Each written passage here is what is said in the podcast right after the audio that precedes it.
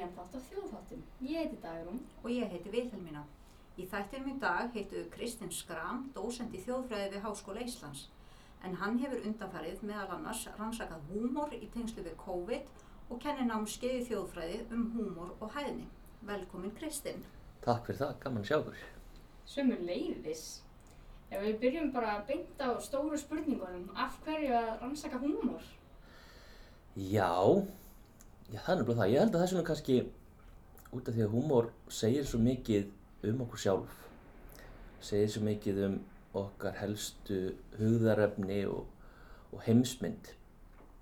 Og er þá eins og speill, eða ekki, við notum alltaf þetta myndmál. Nefnum að það að húmórin er kannski meira eins og spjaspeill. Hún sýnir svona einhverja skrítna stundum afbakaða mynd af okkur sem þó segir kannski heilmikið sannleika. Hvernig rannsaka maður húmor?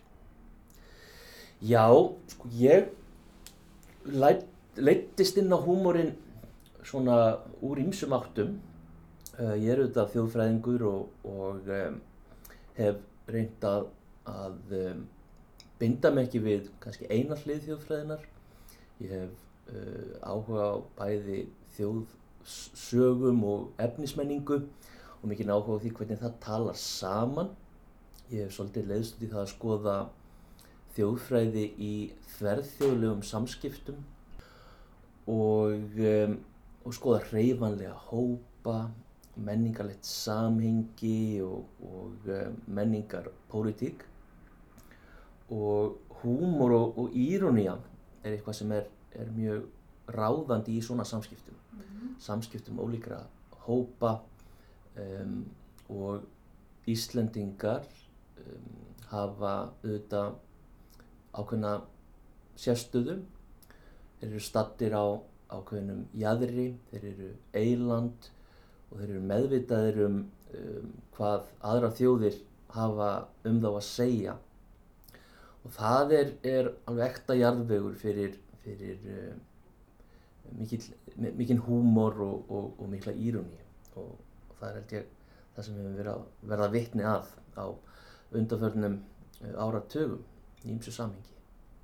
Já, af, því að Íslandíkar séu þá á jæðrinum, kannski hér í norð, norðrinu, að, hérna, að þá séu við opinn fyrir einhvers konar húmor í sjálfsmyndapolítikinni eða? Já, ég held að sé svolítið þannig að þegar maður er meðvitaður um, um, um húmor uh, og svona sjónarhorn annara mm -hmm. á sjálfan sig, að, að þá gerist eitthvað. Um, einn helsti sérfræðingur á sviði húmórsrannsókna, Elliot Oring, hann benti til dæmis á það með hvað hætti uh, gýðingar í heiminum hafa lagt mikið upp úr brandarahefðinni mm. og uh, sjálfsháði og, og það er meðal annars út af því að, að þeir hafa verið flökku þjóð, þeir hafa mjög oft verið þjóð uh, innan annara þjóða og hefur það svona bæði haft þetta þessa sjálfsmyndu þetta sem maður uh, elst upp við á heimilinu en, en líka þetta sjónarhorn um, annara á, á mann sjálfan. En Elliot þessi, Oring, hann var nú gestaprófessor hérna fyrir uh, mörgum ár síðan síðan verða nú 1, 12, 13 ár og hann hafði held ég heilmikil áhrif hér, hann var með uh, fyrsta húmusnámskeiðið við, við þjóðfræðina mm -hmm.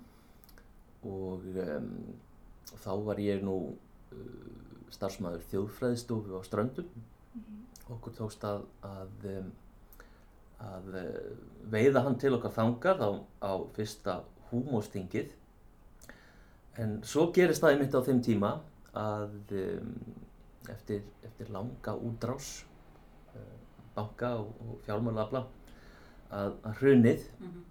kemur yfir okkur og, og, um, og þá fekk ég nú mikinn áhuga á einmitt uh, hvernig við fáumst við húmor á slíkum hörmungatímum. Og, um, og þá er, er hægt að leita í brunn húmorsfræðana og ekki síst uh, húmor á tímum stórslisa og íminsa hörmunga. Og um, fræðimann hafa oft uh, svona skoða það og velt fyrir sér hvaða er sem einkennir húmor á tímum hörmunga. Og um, auðvitað þjónar húmor oft uh, þeim tilgangi að að losa um spennu um, það er oft ákveðið yfirlæti líka sem fælst í, í húmor en líka leið til þess að, að vinna úr erfiðri reynslu og, um, og Alan Dundas til dæmis sem er, er svona einn helsti þjófræðingurinn á síðara hlutu 20. aldar hann fjallaði mikið um svona grófan húmor á tímum um, alls konar erfileika og hörmunga uh, í bandarækinu meðal annars. Og um, þar var uh, auðvitað í bakgrunni uh, alls konar stríðsátök. Vietnamstríðið var fyrsta stríðið sem var svona nánast háði beinni útsendingu. Það var mikil og hatrön um, umræða um fóstureyðingar og um, einhvern veginn uh, skilgreindi hann það svo eða, eða tólkaði það svo að það væri sek sektarkend og, og um, erfiðar tilfinningar sem þurftu að fá einhvers konar uh, tjáningu og gerði það meðal annars í því sem uh, kalla var á þeim tíma sick humor.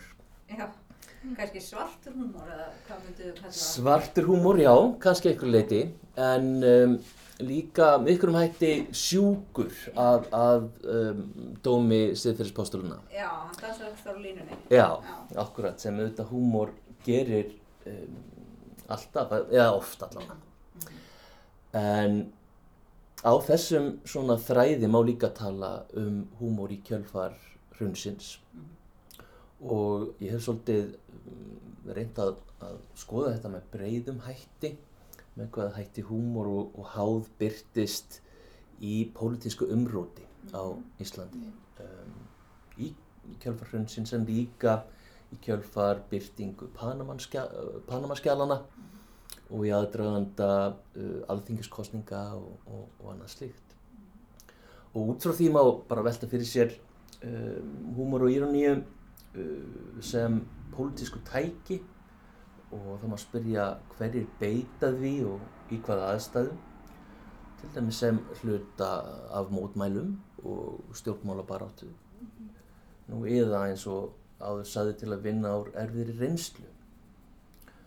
Og ég hef velt því fyrir mér svona hvað einkennir háðið, bæði innlend og erlend og, og hvaða heimsmynd það er sem að, að byrtist í því. Getur aðeins sagt okkur frá svona þessum hvað það er sem einkennir Já, einmitt. Sko, eh, það má til dæmis nefna húmor í sjálfur hruninu um, og þá má kannski líta á, á húmor sem að einhver leiti vopn almennings uh, til þess að, að glíma við uh, erfileika. Um, það má benda til dæmis á frábæra meistarriðgerð Dagbjarta Guðmundsdóttir um, um hrunið og, og skopstælingar. Og uh, með hvaða hætti við um, uh, rættum um, um hvers konar reynsla það er að, að missa allt sitt. Og, uh, og hvernig það byrtist í, í uh, húmor og einnig hvernig spaukstofan og, og um, fleiri svona grínþættir unnur þessu, mókið ykkar flórir til dæmis uh, björritgerð eftir nönnu Guðmundsdóttur. En um, það sem er kannski líka uh, áhugavert er, er það hvernig um, húmor byrtist sem svona beitt uh, háð í hruninu. Og kannski eitt svona mest ábyrrandi kjörorð búsáhaldabildingarinnar uh, var í sjálfu sér írónist helvitis fucking fuck. Já. þekkið við öll.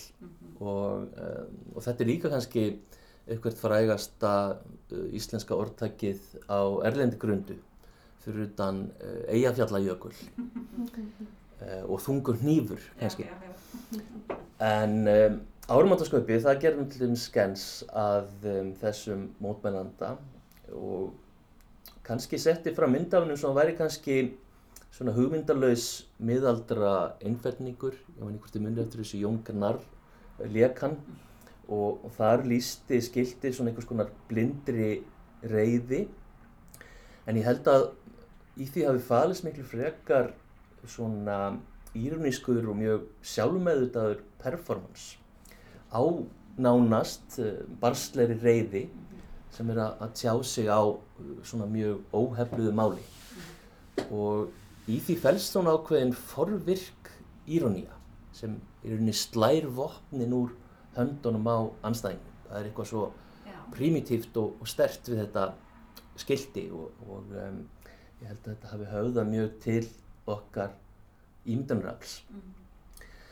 En svo eru þetta alls konar háð í kjölfarhrunsin sem byrtist í, í bröndurum og skopstælingum og byrtist bæði á svona vettvangi hverstagsins sem og í veggjakróti, um, í prentuðum bólum til dæmis og auðvitað á samfélagsmiðlum. Um, nú brandararnir, einn var svona, það eru bara tvær leiðir fyrir Íslandinga út úr kreppunni, Icelandair og Iceland Express. Og annar hvers vegna eru fastegnasalar hættir að horfa út um gluggan fyrir hádegin? Svo er hafið eitthvað að gera eftir hádegin og, og fleiri svona maður og kemur að máli við bankastjóran sinn og segist vilja stofna lítið fyrirtæki og, og byður um gott ráð. Það er nú einfalt að gera það sagði bankastjórin, þú kaupir stór fyrirtæki og býður svo aðeins.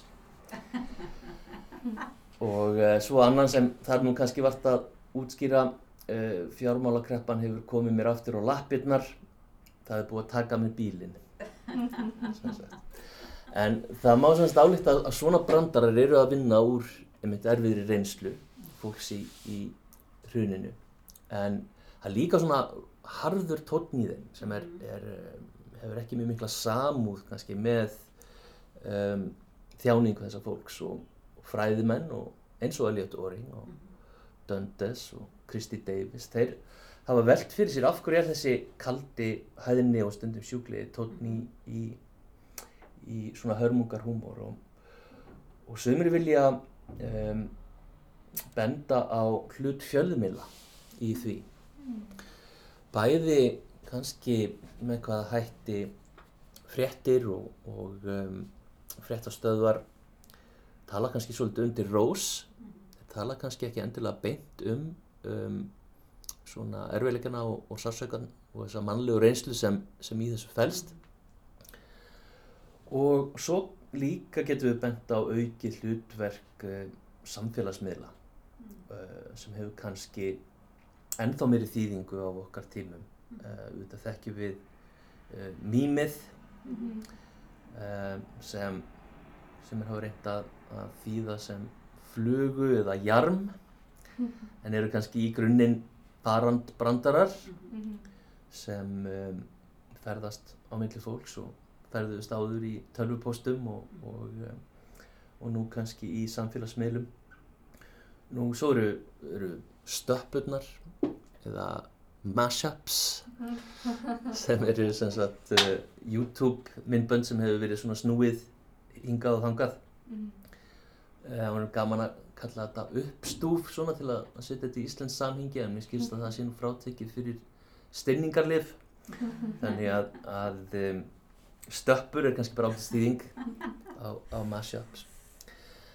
En þetta þetta uh, breyðist á leiftur hraða og, og enginn hefur beininni stjórn á þessu og, og er rauninni alveg ekta þjóðfræðefni í, í þeim skilningi. Oft er þetta höfundalaust og það er engin svona innri rítstýring þarna á ferð eða, eða ytri. Og tjáir mjög tíðarandan og, og, og um, er svona kannski veitur ykkur insýn inn í alþýðu hefðir og tengist auðvitað munlegri hefð uh, líka.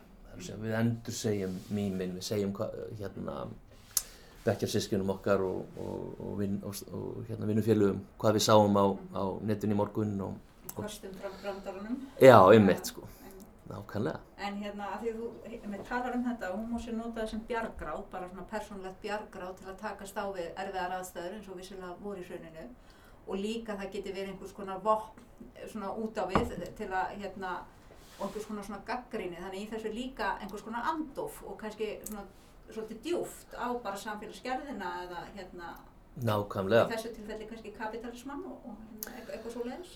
Jú, einmitt. Og þar kemur held ég heimismynd okkar íslendinga stert inn því að til hvaða myndmál skrýpum við þegar við gaggrínum um, okkar stjórnmálmenn og, og leiðtoga. Um, jú, það er bananalýðvildið Já, og þar svona erum við einmitt að pota í, í kannski þessa viðkvæmustu bletti smáþjóðar á, á jæðrinum í einhverjum skilningi, í einhverjum landfræðilegum skilningi að að um, við séum ekki raunverulegt líðæðisríki við okkur sé stjórnað af, af uh, hagsmunapoturum og, og um, hálgjörum einræðisherrum. Og um, ég held að, að um, þessi ímynd er líka eitthvað sem er í alþjóðlegri umræðu. Og það er svolítið gaman að, að bera saman svona alls konar háð og grín sem byrtist um, út í hennum stóra heimi um Ísland saman við, við þetta sjálfsháð okkar.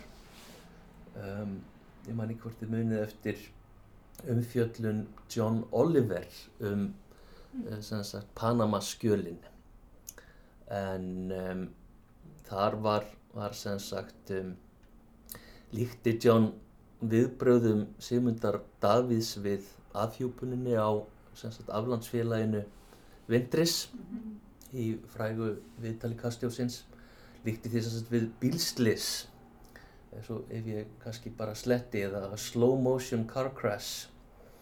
Og hann held svo áfram og saði as they say in Iceland a slow motion car crash. Come on guys they have cars in Iceland. It's a modern Nordic island nation and their English is excellent. Og þarna stillir John Oliver þessu upp eins og hann séði að fara að gera lítið úr okkur eigaskeggjónum hérna í norðrinu en svo lætir hann okkur njóta sammæli sem uh, norrætni nútíma eithjóð sem talar góða ennsku sem sagt.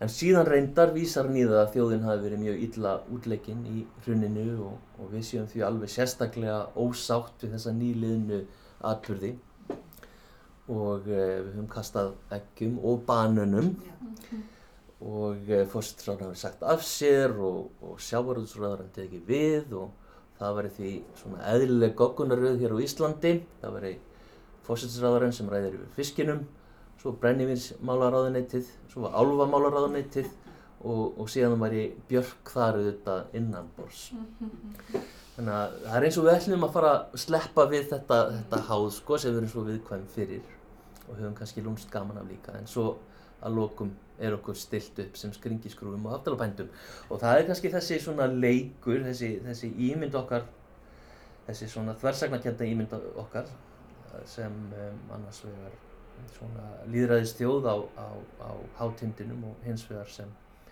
einhvers konar um, já, aftalabændum á, á, á jaðar skeri einhverju og kannski sýnir þetta svona ákveðin ákveðina álitshnekki og auðvitað bara aldagömmur reyföfl uh, miðju og, og jaðars.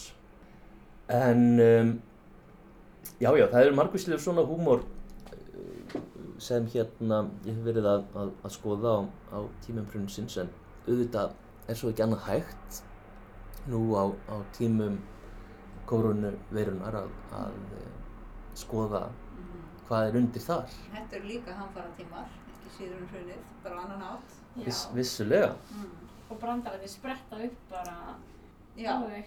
já, einmitt og á svolítið öðrum fósundum kannski. Mm já, eða hvað? Kannski til að byrja með að þá föllum við nú svona í algengar gildrur. Við, við förum að við förum að skipta okkur upp í við og hina. Um, framangerfingin um, verður ráðandi þar að segja við förum að fjalla um með hvaða hætti kynverjarnir uh, graðka í sig uh, leðurblökusúpu og skólaði niður með koronubjór. Og, og svona húmórin snýst svolítið að því að, að gera grínað hinnum og, og um, gera hinna með einhvern hætti skreitna og, og dýrslega. Og um, já, Ítalir voru næstir í rauðinni og, og, og þá fórum við svona að, að beina sjónum okkar svolítið að, að þeim og þeirra sérstæða lífi í, í um, sótkvinni. En síðan kannski breytist þetta þegar að þetta kom nær okkur og, og, um, og við fórum að upplifa þetta á eigin skinni. Og, og, um, og einmitt eigin skinni því að líka minn fór að, vera allt í einu svo stór þáttur í, í hverstastlegu lífi með endalist að sótrensa húðina og, og um, með einhverjum hætti um, er líka minn okkar orðið svona aðal brandarinn. Og það eru margir að skoða þetta líka og held ég í, um, um hinn víða heim og meðal annars þjóðfræðingurinn Blanka Hendriksson sem uh, lýsir sér sem um, distant arbeitendi, folklorist sem sagt um, þjóðfræðingur í, í fjarvinnu. Og hún lýsir sér líka þannig að að inte har nett imot að prutta fritt menn hellre skuru vilja komi menneskur nori í genn. Eða það er að segja hún hefur ekkert að móti því að geta rekið við án hindrana og heldur ekki að, að vera á meðal fólks og ég held að, að að hún hefði sagt þetta á ykkurum öðrum tímum að þá hefði enginn skiljað hvað hún ætti eiginlega við. en þá sprettur þetta upp úr hennar uppáhaldsbrandara sem er, er þessi. Áður fyrir hóstaði fólk til að draga aðtiklina frá prumpljóði en nú prumpa ég til að draga aðtiklina frá hóstinu. Og, og þennan brandar sagði mitt uh, Valdimar Hafstein professor í þjóðfræði við alþjóði byrni útsendingu í fréttunum um daginn. Og um, kannski myndi sem ég segja þetta væri svona kúk og piss humor en oft er, er, er sá þess, þess konar húmor með puttan á púlsinum í, í samtímanum og, og líkamsmyndmáli er, er að verða svo stert aftur. Við erum að hlusta eftir líkamstarfseminni og uh, við erum miklu meðvitari um búkljóð og, og, um, og uh, hver, var eitthvað hnerra í strætóskilinu eða, eða hvaða hljóðbúr þetta var, var, var, um, var eitthvað að færa til stól eða, eða er eitthvað hnerra eða það er svona, það er okkur líka smitskömm í, í kófinu sem veldur því að við erum meðvitari um líkam okkar í slíkum aðstæðum. Þannig að þessi faraldur hann skilur eftir sig svona ákveðna slóð og, og setur mark sitt á, á um, menningu okkar uh, með ýmsum hætti. Já, það er áhugavert þegar þú nefndir þetta aðan að fyrst hafði þetta mitt þegar faraldurinn var ekki komin hingað hafði þetta snúist svo mikið um okkur og hína sem að eru að gljóst við faraldurinn en svo þegar þetta kemur til okkar líka þá verður svona umsnúningur. Einmitt. Og þá förum við að, að, að einmitt að glíma við erfiða reynslu, eða ekki? Og uh, húmor er geysilega mikilvægt tæki í því. Á þessum viðsjálfverðu tímum og býður upp á einmitt allt annað sjónarhorn heldur en heldur svona einhvers konar dystopískur fréttaflutningur. Og við þurfum húmor til þess að, að bregðast við og, og, og fjallum það sem er að gerast í bæði í, í næri umhverfinu og í, í heiminum öllum og þannig fylgir húmor svona heimstróuninni en það getur líka verið holdt að eins og þjóðfræðin býður svo upp á að horfa aftur í tíman líka. Og þá gleymum því að, að þó að við búum á eða lifum nú á, á þessum svo kallu fordamalösum tímum að þá eru þetta fordæmi fyrir um, samskonar uh, faraldri og, og um, um, ymmit þessi framandgerfing um, sem við erum að upplifa með Wuhan veiruna eða China virus eins og, eins og Trump vildi kalla það að þá er spænska veikin auðvitað dæmi um þetta og, og bara sjálft nafnið spænska veikin uh, felur í sér svona ákveðna uh, framandgerfingu og á krísutímum var að sjálfsögðu gripið til svona grófrar framandgerfingar líka hér á árum áður en svo er líka gaman að skoða þetta bara út frá um, staðarmenningu um, með hvað hætti uh, við á Norðurlöndabúum uh, Nor- Norðurlöndum uh, tölmum þetta með okkar hætti Mhm. þetta sjáum við til dæmis í skandinaviskum bröndurum sem að Jakob Löfgren hefur fjallað um. Um, þar sem spurt er hvert ætlar að fara í sumar og þar sem að fólk býr til svona alls konar ímyndaða staði eins og Costa del Balcón sem eru bara svalirnar eða Las Verandas sem er þá pallurinn. Og, og það er kannski þetta sem grundvallar húmorinn það er ákveðin ótti sem við, við, um, við búum yfir við að gera það sem við erum vuna að gera. Mhm. Norðurlandabúar að, að, að fara til, til Spánar og, og til framandi landa á, á sömrin, við erum föst heima. Og uh, strax svo fólk stóð framinn fyrir því að, að, að vera fast heima þá komum við með brandarar um að, að sitja heima og tæpla skák við köttinn. Eða verið í vandræðu með börnin. Mm. að um, líma krakkana við, við gólfjalitnar með, með teipi eða, eða hvað það er og kannski tjáir það líka ákveðið samvinskubitt um, en veitir líka bara innsýn inn í okkar hverstaslu vandamál Mm. og það er kannski eitthvað sem við sjáum ekki annar staðar í fjölmjölum heldur einmitt í þessu þessu mými sem við erum að henda á milli okkar Mm. Svona hversnæð. Já, það er það sem þjófræðin hefur svo gott með að, að rannsaka Já. hversdagslífið En er það bara svona hörmunga faraldur, góðsend tíð fyrir fræðingar sem rannsaka húmor? Já, þetta þetta er svolítið kaltænslegt auðvitað Já. og, og hérna að, og, og viðkvæmt Já. Mm. og ein svona helsta auðlindin í þessu efni er, er um, þjóðfræðisöfnun sem um, sex menningar úr, úr þjóðfræðinu haf, hafa staðið fyrir á, á Mhm. Facebook Mhm. og þau hafa mjög áhugaverða sögu að segja einmitt um, um þá söfnun Mhm. um, þjóðfræðisöfnun COVID-19 og ég hvet alla til þess að skoða uh, hvað er að hafa verið að taka saman þar Mhm.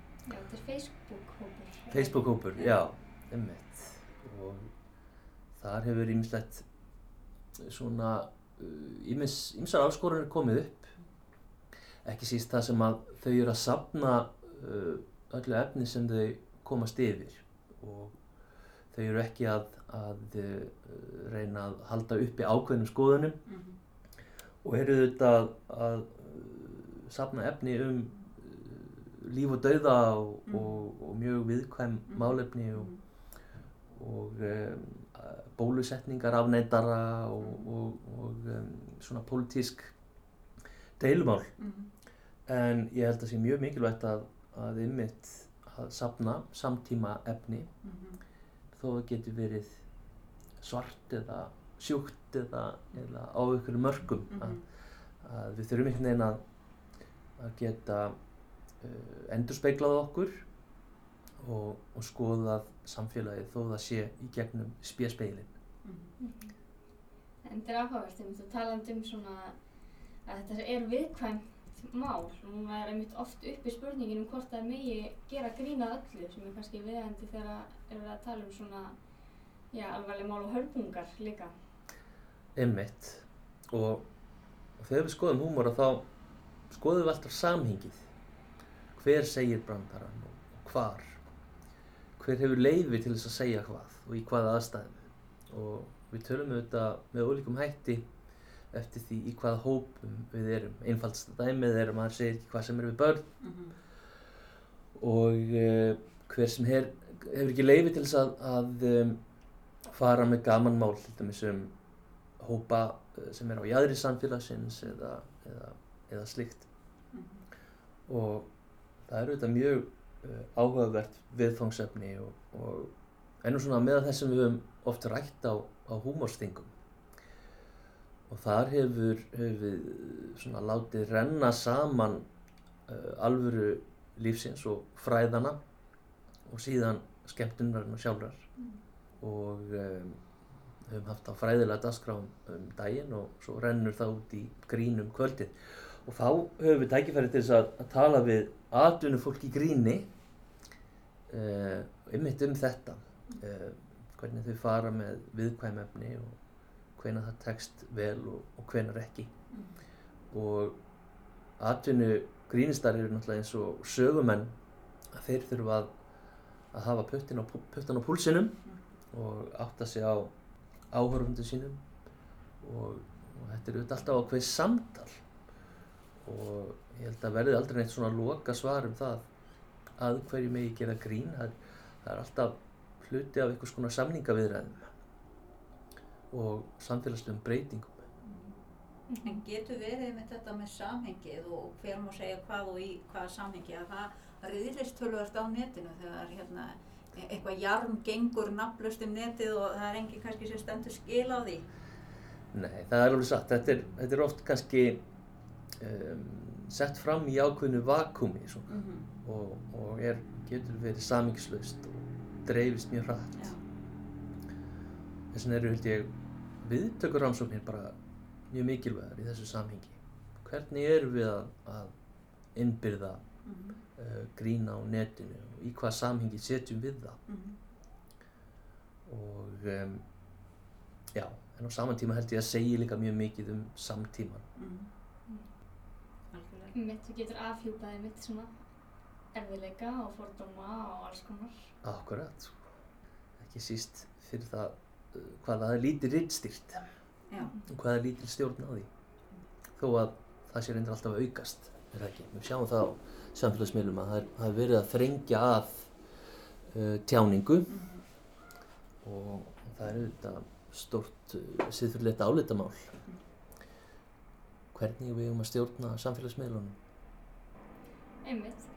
En húmarstingið, það verður haldið núna 27. mars næst, er það ekki?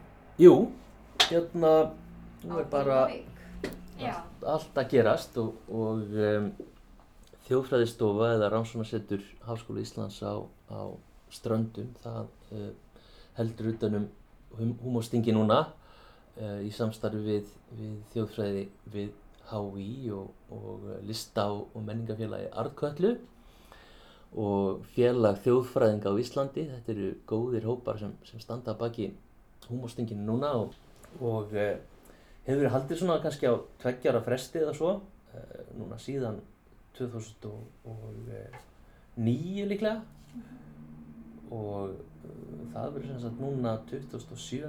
februar Mars. Mars. Fe mars fyrir ekki þetta var bara grín Já.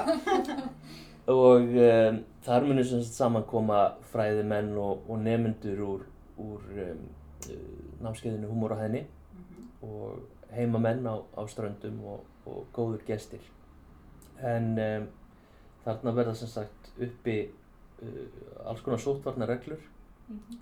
það verður dæmis bannað að hlæja uh, og uh, en hins vegar verður svona ykkur, ykkurar kannski hömlur á, á fjölda fólks þannig að, að um, við sjáum til svona hvað hva komast margir að sjáum hvað Alma og, og, og Víðir leið okkur að gera í þeim efnum en um, það verður ro- rosa gaman og ég hlakka mikið til og, og, og nefndu mínir að, að mæta á Holmavík Mhm. 27. mars En einmitt, þú nefndir hérna námskeiðu húmor og hæðni sem er kent hérna við HÍ og það eru nefndur sem taka þátt í þessari ráðstöfnu. Svo nefndur þú tvær rítgerðir á þann. Er þetta algengt að nefndur séu að hérna, vinna á þessu sviði, að rannsaka húmor og viðtökur? Já, Hans. það er að segja, satt að segja að hefur færst mjög í aukana Mm og um, enda hefur húmósnámskeið verið kent núna við uh, háskólan alveg síðan 2008. Mhm. Kristín Einarsdóttir uh, tók við af Elliot og, og uh, kendi þetta námskeið í mörg ár og, og uh, ég tók við af henni og, og breykaði svolítið efnið og, til að fjalla meira um, um íroníu líka. Mhm.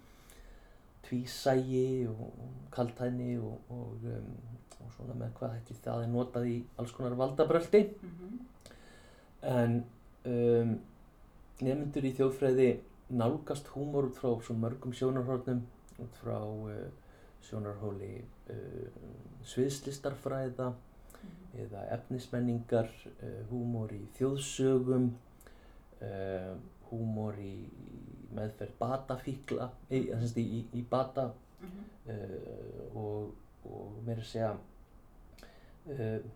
já, í, í húmor í, í uh, störfum þeirra sem, sem mm, fást við dauðan, til dæmis Mhm. nýjasta, húmor í samskiptum kynjanna, húmor leigubílstjóra, svo má lengi telja. Mhm. Þannig að, að um, það má, má lesa um, um húmor í mjög mörgum björrigerðum þjóðfræðinga. Og þetta er einmitt líka alþjóðlegt rannsóknarsvið því að þú ætlar á CF, eða ekki, að vera með málstofu um Jú. húmor.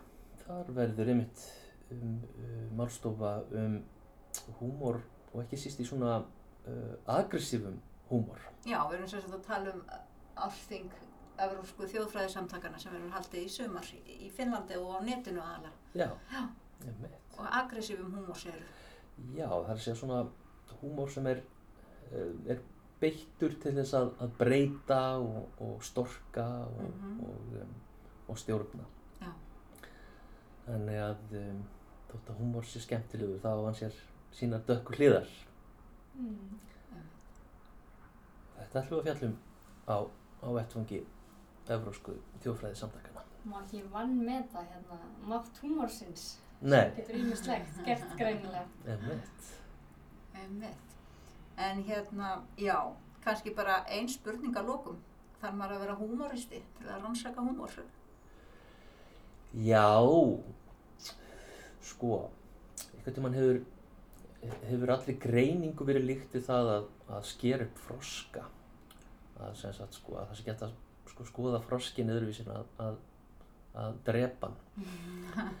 Og ég vil að segja að það er ekki mín reynsla af, af húmor að, að maður get ekki greint hann öðruvísin að, að um, eðilegja húmorinn í, í honum. Mhm.